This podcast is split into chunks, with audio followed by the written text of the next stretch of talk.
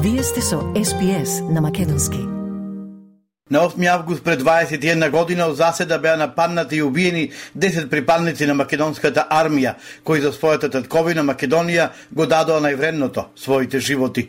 Нане Наумовски, Сашо Китановски, Горан Миновски, Ердован Шабановски, Љубе Грујовски, Бранко Секуловски, Дарко Велјановски, Пете Секуловски, Веби Рушитовски, Марко Деспотовски. Ова се имињата на хероите, кои со најсветни букви се испишани во современата македонска историја, откако тоа кобно утро во местноста Карпалак на автопатот Скопје Тетово во терористичка заседа врз армискиот конвој беше отпорен оган од митралези и рачни ракетни фрлачи. Борбите за извлекување на преживеаните 108 лица траја со часови. Две децени и подоцна Слободан Петковски од Друженијето на бранители и братство за МТВ изрази незадоволство од третмано на државата. Имаме статут, имаме, знаеме дека сме омаловажени, знаеме дека сме понижени, знаеме дека никаде не постоиме. Сега на, најтрагичното во Крушево беше кај што не представија како група граѓани, а не како бранители со положување на цвеќе и панихида на местото на злоторството пред помен плочата и годинава беше одбележан датумот на положувањето на животите за цетковината. Освен роднините, таму беа присутни државни военопартиски делегации, како и представници на локалната самуправа, Друженија на бранители и навивачка група од Тетово. Со поклон пред споменикот во центарот на градот, Прилеп одбележа 21 година од загинувањето на 10 воени резервисти на Карпалак. Останува само сеќавањата, тагата, годишнините, но и чувството и фактот дека бранителите се заборавени од државата, вели да мтва Игор Петрески, председател на дружението Карпалак. После 21 година не, нормално државата не направи ништо во споредба со тоа што ги дадоја животите нашите бранители. Големи се сомнежите дека да, бевме предадени, сите околности на така наликуваја, на така водеја и во понатамошната постапка послем кога почнавме судски спор. Со животот помеѓу обичниот народ никогаш не бил проблем. Па нити тогаш беше некој голем проблем, али сето се ова политички манипулации.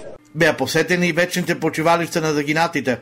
Се одржа и панихида во Прилепската црква Света Петка, а чествувањата почнаа во Прилепската касарна пред спомен обележието. Владина делегација во состав советникот за одбрана Драган Василевски и државниот секретар во Министерството за одбрана Драган Николич положи свежо цвеќе на спомен плочата во местноста Карпалак во спомен на загинатите бранители. Генералниот секретар на кабинетот на председателот Миле Бошњаковски положи цвеќе пред спомен плочата кај местноста Карпалак, додека делегација во состав полковник Билјана Блажеска, аджутант на председателот и Валентин Диневски, посебен советник за безбедност и одбрана, положија цвеќе пред комплексот Карпалак во Прилеп. Тука сме денес да оддадеме почит на хероите, кои што бранејќи Македонија, независноста, теловитоста, унитарноста на Македонија во 2001 година ги дадоа своите животи на Карпалак.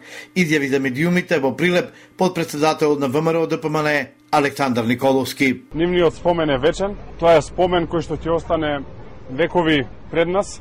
Генерации да се сеќаваат како се бранеше и се одбрани Република Македонија, но во исто време тоа е и завет за еднината, за следните генерации да го проложат нивното дело. Бугарското МНР ќе подготвува нов документ задолжителен за сите институции, поред кој ќе се диктира темпото на веќе договорените обврски кон Македонија, согласно протоколот. Во следните два месеца, новиот технички министр за надворешни работи Николај Милков очекувал да бидат усогласени конкретни обврски. Заменикот на Теодора Генчовска е дециден дека ваквиот чекор бил поради страв од како што вели ерозирање на она што беше договорено. И в тази врска на нас ни предстои приемането на, на един, може би, писмен документ ще бъде, който ще... Ни следува прифаќање на еден писмен документ кој ќе ги дефинира задачите на разни институции и организации во однос на тоа што ќе се прави во иднина во односите со Македонија. Во овој системски приод ќе бидат јасно напишани задачи и одговорности за да можат да се очекуваат добри резултати, изјави Николај Милков. Зарем не е нечувствително да се посвети културен центар на Иван Михајлов, кој се работувал со нацистите во еврејско мало во Битола, на еврејско семејство кое било депортирано во концентрационите логори, прашува германската новинарка на националната телевизија ЗДФ во незината репортажа за Македонија и незиниот пат кон членство во Европската Унија. Председател на културниот центар Љупчо Георгиевски тврди дека соработката не е докажана, иако ЗДФ потенцира дека историчарите имаат различно мислење. Многу поважна е неговата улога во историјата на бугарите во Македонија, уверува Георгиевски, пред да инсистира во германските објективи дека учебниците по историја во Македонија треба да бидат променети. За ЕДФ исто така ја нотира и промената во расположението кај македонската јавност за ЕУ. Се чини дека работите се вртат против ЕУ во Македонија, откако владата вети промена на уставот во замена за почеток на преговорите. Бугарите треба да бидат броени како еден од народите во државата, како албанците, турците, власите и ромите. Дополнително заедничка историска комисија со Бугарија треба да го утврди точното читање на македонската историја и потеклото на јазикот, се вели во репортажата на ЗДФ. Пристапувањето повеќе не зависи од владењето на правото, економската стабилност и основните права, туку од волјата на една земја членка. Ова е чекор назад за ЕУ, а за Македонија несовладлива пречка, ја завршува ЗДФ репортажата од Македонија. Во духот на протоколите кои власта да Ковачевски ги подпиша со Бугарија, скафандер министерката сака да наметне Орвеловски свет во македонската култура. Бисера Костадиновска Стојческа се обидува да наметне брутална цензура врз македонското бестенето творештво и култура, рече на преспорт паролот на ВМРО ДПМН Дим Чарстовски и побара оставка од министерката со протоколите кои ги имаат подпишано, Бугарија има право да посочува на некаков говор на омраза кој само таа може да го види каде што постои, односно не постои. Врз основа на таквите видувања на Бугарија, македонската влада нема да смее да финансира ниту филмови, ниту романи, ниту пак песни. Ете затоа, Скафандер министерката дава изјави во кои што јав, јавно и јасно кажува дека се срами од македонската историја, од македонското творештво, кое според неа не враќало во едни мрачни времења. Социјалдемократите со своји ставови околу анкетата, нарачана од ВМРО ДПМН, во која опозицијската партија е со двоен рейтинг пред владеачката. Фингирана анкета, велат СДСМ, која има цел Мицковски да ја зачува фотелјата, бидејќи е уплашен останува на констатацијата дека лидерот на ВМРО ДПМН е Христијан Митковски работи против граѓаните, против државните и националните интереси. Министерката за радост да реагира за новото неофашистичко дружение во Охрид, велат од политичката партија Левица. Вела дека министерката Бисера Костадиновска Стојческа во својата ригорозност е селективна, затоа што недостигот на реакција на никнувањето на низа неофашистички друженија на територијата на Македонија, тоа го покажува од Левица вела дека подборањето на неофашистичкиот културен клуб во Битола, кој го носи името на, како што велат, најголемиот крвник на македонскиот народ и фашист Ванчо Михајлов, сега во Охрид покрај друженијето Радко, едно од псевдонимите на Ванчо Михајлов, никна ново дружение, именувано како цар Борис III.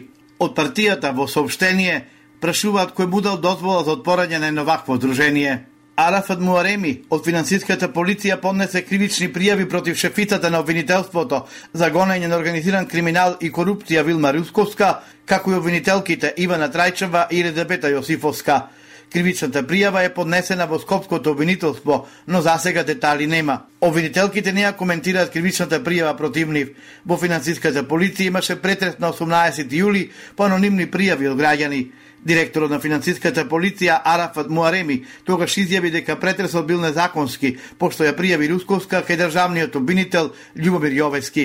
Русковска се пожали на притисоци и ја повика амбасадата на САД и ЕУ и европската обвинителка Лаура Ковеси да реагира, но не доби потврден одговор од нив. Туку тие рекоа дека овој проблем треба да го решат надлежните институции. Обвинителството за организиран криминал ја проширило истрагата за генералниот секретар на владата Мухамед Декири. Тан во одбор за друг кривично правен настан, каде што владата преку генералниот секретар Декири вклучила договор за правно лице за консултантски услуги за реорганизација на железници, информираат од обвинителството за Телма. Омеѓу време, Скопската апелација на Зекири му го продолжи домашниот притвор за нови 30 дена. На 93 годишна возраст почина Петар Моличковски, еден од великаните на македонската архитектура.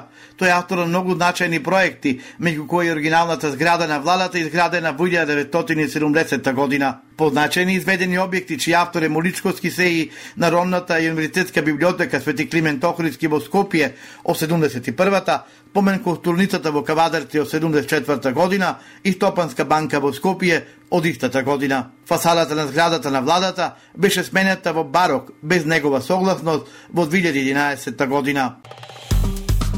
Стиснете, ми се допаѓа, споделете, коментирајте. Следете ја SPS на Македонски на Facebook.